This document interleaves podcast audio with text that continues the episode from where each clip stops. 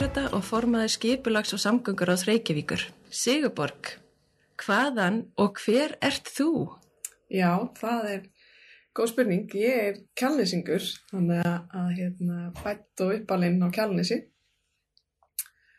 og er yngst sjösískina Mm -hmm. þannig að ég á fimm eldri bræður og eina að hérna Flottur stór hópur. já, einmitt, það svona það var hérna indislegt sko það er æðislegt að eiga mörg sískin og, og hérna þegar maður yngstur þá er maður kannski svolítið degraður en líka þann stundum eða mín upplöfun var að maður þurfti að hafa mest fyrir hlutunum sko, þú veist ég þurfti að öskra við matarborði sko, geti fengið kartöflunar Mm.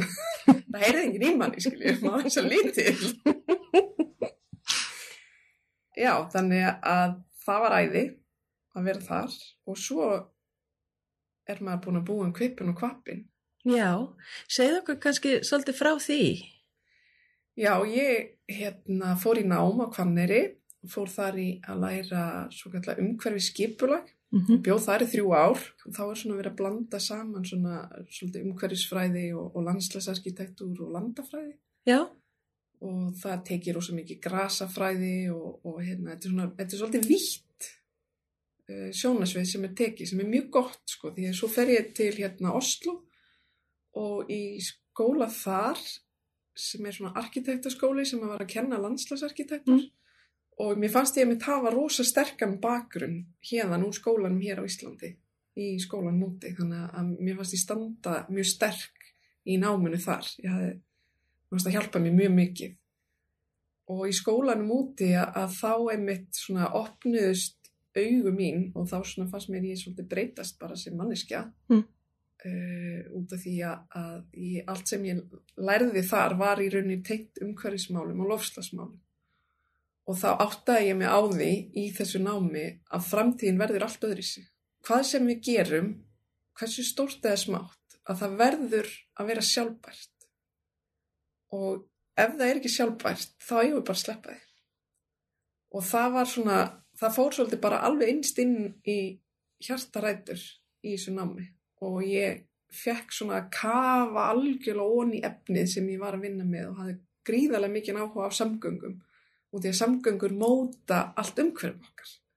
Þannig að og þá svona þegar maður hefur tíma eins og þegar maður er í háskóla að hérna kafa ofan í efnin og, og átta sig á sko hvað þessi fræðumæður segir en hvað vísindamenni segja, hvað við erum að gera og hvernig þetta lítur allt út. Já, og nær svolítið svona heildar myndinni að þá sá ég bara svona, þá blasti við mig bara annar veruleiki. Og ég hugsa, já, við verðum bara endur hugsa ákveðin hluti og ákveðin kerfi og þar á meðal er samgöngu kerfið. Það hefur alveg óbúslega mikil áhrif á, á sko efnahægin, á, á líðhelsu, á umhverfu okkar, það hefur áhrif af nánast allt. Og þar kom ég með tillögur að því að bara endur hanna samgöngur frá A til Ö þannig að það gangi alltaf út frá því að það er null útblástur gróðurhúsuloftegunda, alltaf. Og manneskjan er alltaf í forgrunni. Mm. og allar götur, öll samgöngumannverki miða því okkur líði vel í þeim. Þannig að það er, og þá, þá sjálfsögðu þurfum við til dæmis að bæta við óbúslega miklum gróðri við þurfum að minga bílana, við þurfum að endur hana götunar og við þurfum að huga skilvirkni sem er náttúrulega miklu meiri í almenni samgöngum og hjólandi og gangandi heldur en í bílum. Og ég gerði mitt verkefni um Lilleström, þegar ég var þar núti, þar sem ég endur hann að allt samgöngukerfi fyrir Lilleström. er það þorpið að Já, það er svona... mm, Hvað stærð? á bæ? Það er í rauninni svona hverfi eða sveitafélag sem er alveg upp við Oslo.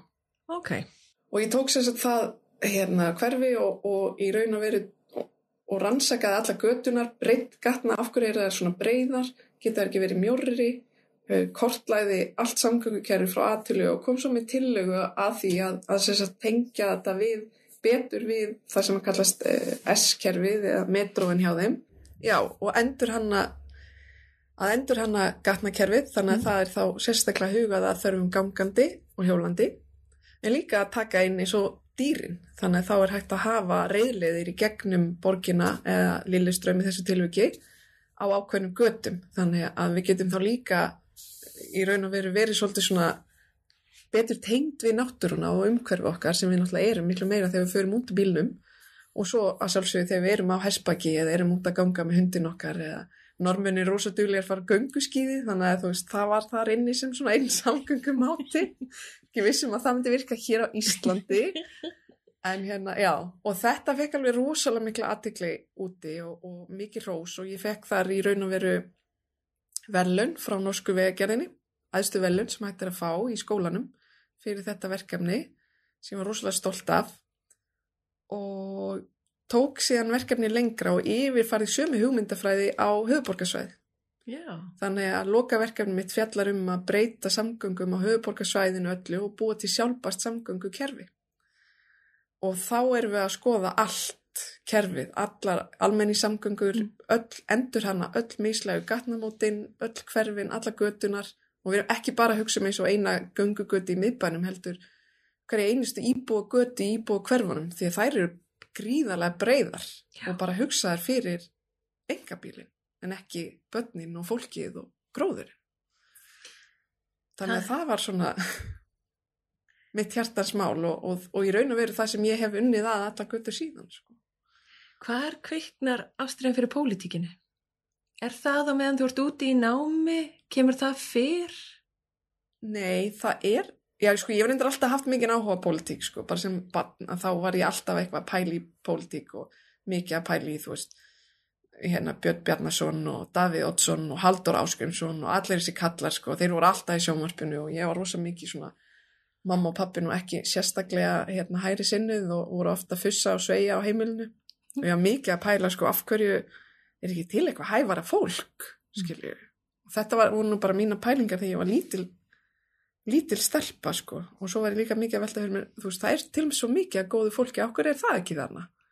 Skildi ekki alveg hvernig það virkaði allt, hvernig Já. mekanismin virkaði en, en hérna jú, svo þegar ég var í náminn úti þá komst ég svolítið að því að, að til þess að breyta kerfum að þá þarf maður eiginlega að vera í stöðu til þess að hafa þau áhrif þannig að þá hugsaði ég með mér og ætlunin var ekkert að flytja aftur heim til Íslands, við bjóð þannig með manni og barni og við ætlum bara að vera þarna en svo fekk ég bara einhverju svona tilfinningu í magan, ég var gjörsamlega viðþólslaus, ég bara við verðum að flytja aftur heim. Við bara verðum að flytja. Og ég bara, ég gæti ekki verið úti og það endaði með því að maður mér sagði bara já, ok, allt í lagi. Þetta, þetta gengur greinlega ekki, en þú veist, við erum að fara að lækki launum og, og við erum ekki að fara að fá vinnu og þetta, þetta leiti ekki tólega vel hérna á þessum tíma, sko. Það var 2012 Þannig að, en, en við flytjum heim og ég fyrir bara að vinna á American Style og er bara að stekja hambúrgara og, og maður bara bjarga sér Já. og ég var, hafði mikið náhuga á pólitík og það hérna komið mitt að máli við mig hérna, fólk úr vinstri grænum sem vildu fá mig á lista hjá sér fyrir yeah. borgarstjórnarkostningana 2014 og ég hérna hugsaði nú aðeins málið en svo komst ég að því að, að hérna ég var svo reið út í stengrím eftir að hann leifði þessa virkjanir fyrir norðan að ég hugsaði með mér fyrir utan að, hérna, uppbyggingu kísilversins og svo að heimila rannsóknarboranir á dregasvæðinu Mm -hmm. að mér fannst það bara svik við umhverfið og svik við það sem að, að þessi flokkur átti að standa fyrir. Þannig að ég gæti ekki hugsa mér að fara í vinstri græna og mér fannst í rauninni eina framtíðin vera í þessum flokk píratum það var eina eini flokkurinn sem var eitthvað svona að hugsa öðri, sem hugsa í kerfisbreytingum sjá, hérna þú veist, gefa ungu fólki tækifæri, bara raunveruleg tækifæri. Og svo mætti ég á fyrsta fundminn hjá Píratum þarna vorið 2014 og, og er svolítið svona bara eins og ekki kjáni og þú er ekki að segja neitt og svo byggjum orðið og tala og það bara hlust allir og svo bara það sem ég sagði fór bara inn í stefnuna. Mm -hmm. og svo var það bara orðið hluti að stefnu fyrir borgarstjórnarkostningar og ég bara ég hafði aldrei upplifað annað eins. koma bara beint að göttinni og, og hérna og hún Kristín Elva tókaði mitt svo dásamlega á móti mér.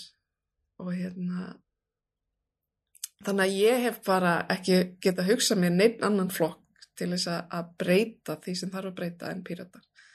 Þannig að þess vegna er ég nú hér Já Þú ferð frá að búa í Nóri vera á góðum launum verðlaunuð Þú fer frá þessu öryggu umhverfi og situr núna sem formaður skipalags og samgönguráðs Reykjavíkuborgar eh, frá öryggi inn í eldin getur maður kannski sagt. Þetta er að sjá í fjölmiðlum allavega ekki auðveldasta starfsumhverfið. Spurning mín til þín er kannski þá sitandi sem formaði í skipalags og samgönguráðs Reykjavíkuborgar. Þetta er starfsumhverfið. Þú kemur frá þessu öryggi og væntilega góðan samgöngum. Hvernig er þetta starfsumhverfi breytinga á framfara í borginni? Hvað varðar samgöngur? Það er bæði stór skemmtilegt og mjög erfitt. Þannig að og þetta bara svona fyrstundum allt í bland og hræri gröð og fram og tilbaka og daganir eru misjafnir og allt það. En ég held að sko það er líka margt að breytast. Það er svolítið áhugavert þar maður finnur það í dag að fólk er orðið mun kröfuharðara. Það er komin svolítið bara sterk krafa um bara, heyrið þetta gengur ekki lengur, við viljum fá almennilegar almenningssamgöngur eða ég vil bara fá góðan hjólastík eða mm. úst, af hverju er barnið mitt ekki örugt að lappa yfir þessa götu þannig að þetta finnst mér að vera breytast svolítið hratt í dag sem betur fyrir þannig að það er alltaf að koma, koma meiri og meiri háværi rattir í þennan hóp og meiri kröfur úr þessum hópi. Þannig að það er mjög jákvægt út af því að við getum ekki bara látið uh, þann sem að keirir á engabílnum hafa allt sjónarsviði sko, það má ekki fá all, allt plossið en það hefur samt svolítið verið í gegnum tíðina og það er að sjálfsögum vegna fortíðarinnar, mm. það er vegna þess að við byrjuðum eins og allar borgir hérna fyrir seti heimstjóröld með þjætta byggð, mm -hmm. það er hérna allt sem er runni innan ringbrautar, ringbrautin átti náttúrulega að vera ringvegur utanum borgina og það var svona, já, borgin var bara svona þjætt og þar átti að vera hérna játbrautastöð, hún átti að vera við hérna það sem er landsbítilan er í dag, já. brautarstöð Íslands og hérna hver veit kannski kemur hún aftur, já. eða verður raunveruleika og hérna og svo breytist þetta, svo kemur setni, eftir setni heimstyrjöldina að þá í raun og veru bara er bæði mikil fólksfjölkun og eh, mikið af fólki sem býr utan á landi sem er að flytja til borgarinnar og mm. þá í rauninni lenda menn í svaka vandræðum að fara bara svolítið bæta við götu hér og þar og hér og þar og, og þá er náttúrulega fyrst byggt það sem er hérna gott land og það fer svolítið út um kvipin og kvapin og eh, þá kemur að þeim tíma, það var upp úr 1960 að, hérna þá er hann Geir Hallgrímsson sem var þá borgastjóri ákveður að setja þetta stóra aðalskipulega stað og fær til þess svona sérstakka danska umferða verkfræðinga en þeir voru sko verkfræðingar í að tegna götur. Já. Þeir hefði ekki sérfræði þekkingu í almenningssamgöngum eða neinu sem var þá til dæmis í gangi í Danmörku og, og fleiri löndum í Evrópu. Uh, og við fáum þar þetta aðalskipulag sem bara gerir aðferði svakalega hraðbröta kerfi yfir alla Reykjavík. Það átti bara að rústa kvosinni, tóllhúsið, hluti af því átti að vera hluti af hraðbrötinni, það átti að fjarlæga hérna, stóran hluta af húsum í miðbænum, gömlum húsum, það voru bara fyrir, það átti að gera hraðbröti í fosfóin sem, sem betur fyrir var aldrei gerð og margt, margt fleira. Að, og þar var gerð þessi flokkun gatna, hraðbraut svo stoppbraut, tengibraut og húsagata. Og þá, þá verður þetta svona flóki kerfi og verður þetta ekki svona gritt eða svona eins og við þekkjum svo mikið í bandaríkjunum. Þú veist það sem er svona ferningar skilju og svona tengjast allir heldur er þetta skilju þessi gata sem er botlangi, tengist þessari sem tengist þessari og þá kemst það hraðbrautina. Og þeir ætla náttúrulega að komast úr þessum botlanga í þennan og þú varst svona fjóra mínútur að lappa en þú varst 25 mínútur að keira er alveg það, það er kerfi sem við erum með og það er kerfi sem kom þarna 62 og það verður að hafa í huga að Geir Hallgrímsson á þeim tíma hann átti e, malbyggunar fyrirtæki og, og var með stór áttak í að malbygga götir Reykjavík Já. svona helst þetta nú skemmtilega í hendur. Stíðan störtlungatíma minn ég segja sérhagsmunir hafa verið aðalega Já, svolítið síðan að störtlunga já, já. Mikið rétt. Og, og við sjáum líka að sko, sjálfstæðisflokkurinn er náttúrulega við völdi borgin í einhverja ára tugi og þar er séregna stefna, þú átt að eiga þitt hús húsið þitt á að vera stort þú átt að eiga þinn bíl og húsið þitt á að vera í útkverfi þannig að það er algjör aðskilnaður á hvar þú vinnur og hvar þú býrð og, og þú átt að eiga þetta allt skilju, það er ekki, ekki það vantar alltaf áherslu á sko, hvað er svona sameinlegur miðbar, hvað eru sameinli svæði, sameinli almenningsrými hvað sameinlega samgöngum átt að getur nota eins og almenningssamgöngur. Þannig að þessi stefna sem að kemur 1960 er bara viðhaldi næstu áratugina að það er það umhverfi sem við búum í í dag. Og það er ekkert smá átak að breyta einhverju sem var gert á mörgum áratugum. Já, það getur verið sambarlegt í, í forritin. Það stundum er miklu auðveldur að byrja aftur en það er að reyna að finna lausnir á að halda hlutum gangandi eða lifandi þannig séð. Að það, það er ekki alltaf eða sjálfnast að plástur gerir eitthvað gott fyrir beinbrott Já, að við þurfum kannski svolítið að taka á vandanum undir rót vandans eins og sagt er.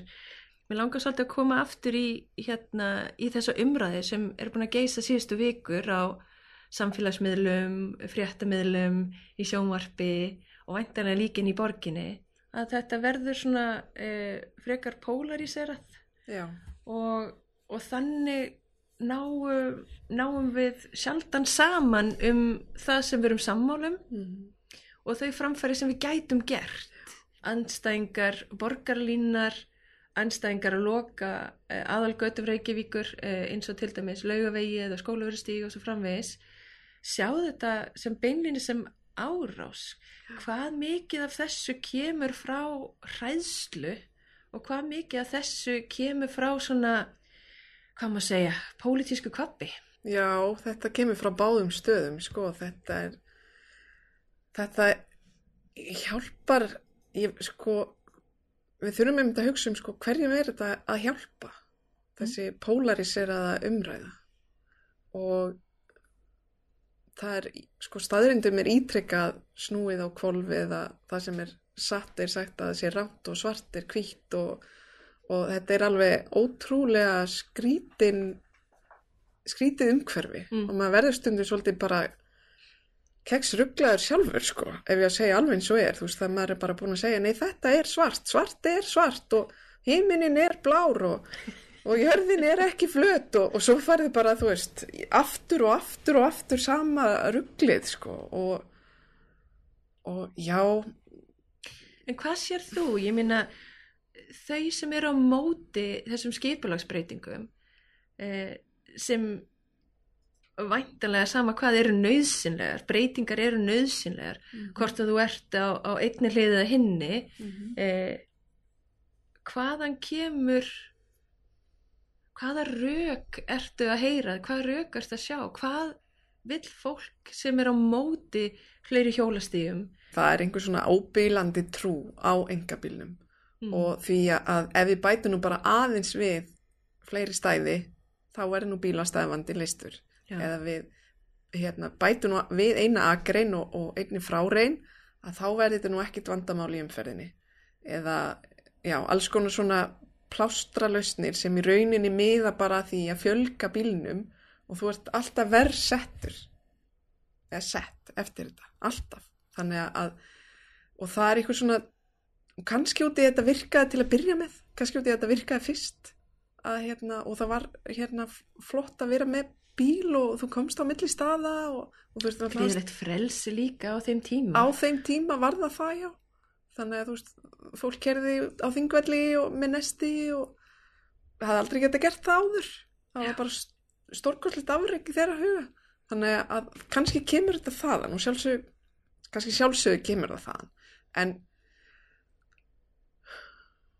þetta er er bara að þetta er svolítið erfiður heimir og mér finnst líka stundum erfitt að tala um þetta út af því að veist, það er eitt að koma ítrekka fram í fjölmjölum og, og halda hérna, sannleikanum á lofti og, og verða berjast fyrir því sem að, að þú trúir á mm -hmm. og hlusta á alla rættir, ekki bara háværi frekuröttina, þetta er alla rættinar og svo er annað að vera í þessu umhverfi þar sem að, að þú ert ítrekka svona persónugerð mm. þú fær persónlegar árásir í SMS-um, í tölvupóstum, á Facebook-vegg, það er hringt í þig. það, veist, það er, ein, það er linnulöst það er, ég myndi segja að væri svona tvisar til þrísar næsti á hverjum degi sem ég fæ einhvers konar svona árás. Ég er að hjóla.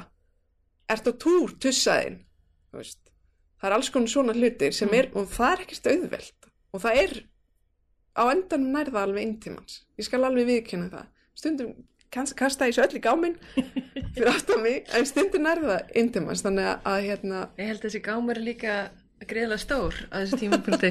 hann er orðið svolítið stór núna sko, en Já, hérna Tróðfullur.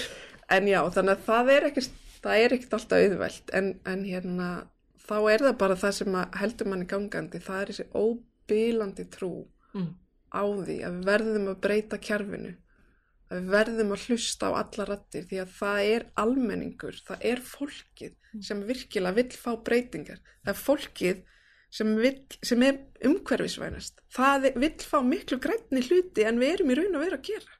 Já.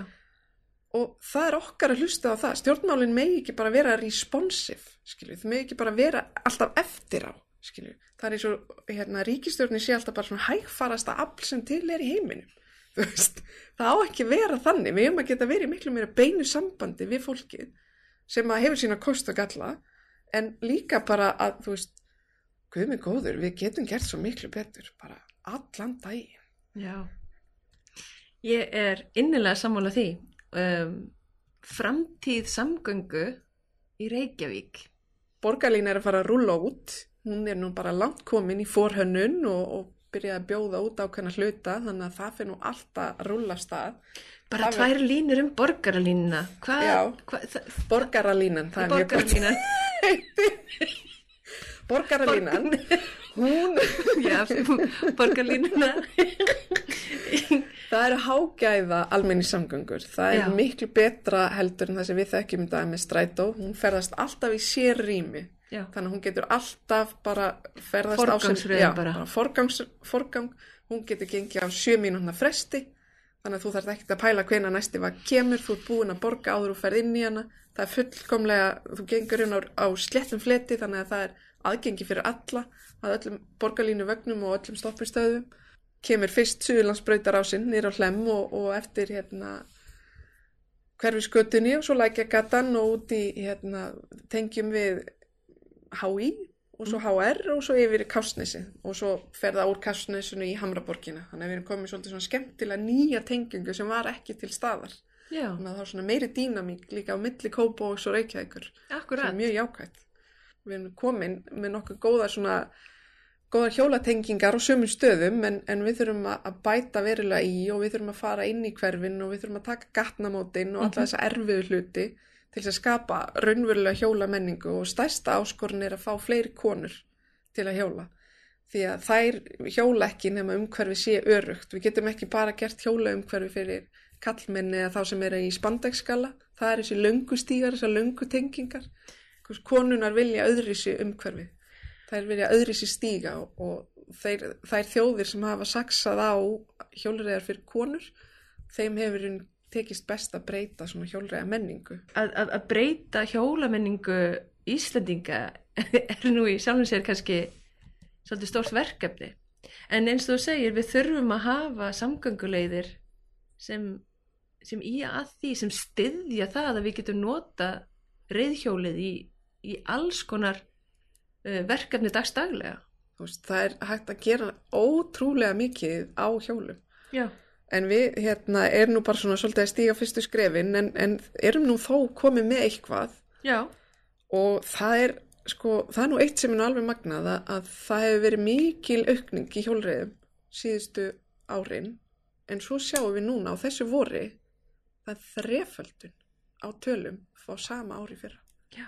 og það er bara aukning sem að, að hefur bara hvergi áður skráðst allan aldrei í okkar bókum Nei. og ekki sem ég man annars það er fljótu bræði á einu ári þannig að hérna við, það er líka margir sem hafa reykið sig á það að ætla að fá sér nýtt hjóla, það er bara allt uppselt sko. Akkurat. þannig að það er ótrúleg breyting í gangi þetta voru, það er mikil hugafarsbreyting og, og ég vennu að segja þrátt fyrir svona nokkra pyrraða menn sem hafa öskra á mig að þá finn ég samt að, umferða menningin er að breytast, mér finnst verið að taka meira tillit til gangandi og hjólandi, Mm bílarnir stoppa frekar og þeir keira hægar Þannig að hérna, það, það er að breyta sem þetta er allt í rétta átt sko.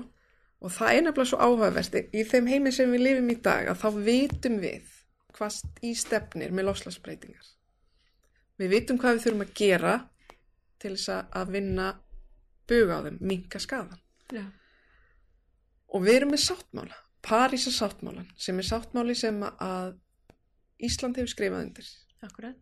Og þar eru bara ákveðin markmið sem að, við þurfum að ná, annars fáum við gríðarlega sektir fjárhastlegar. En það er náttúrulega ekki bara þær, það er náttúrulega í raun að veru endastöðin sem við eigum að huga.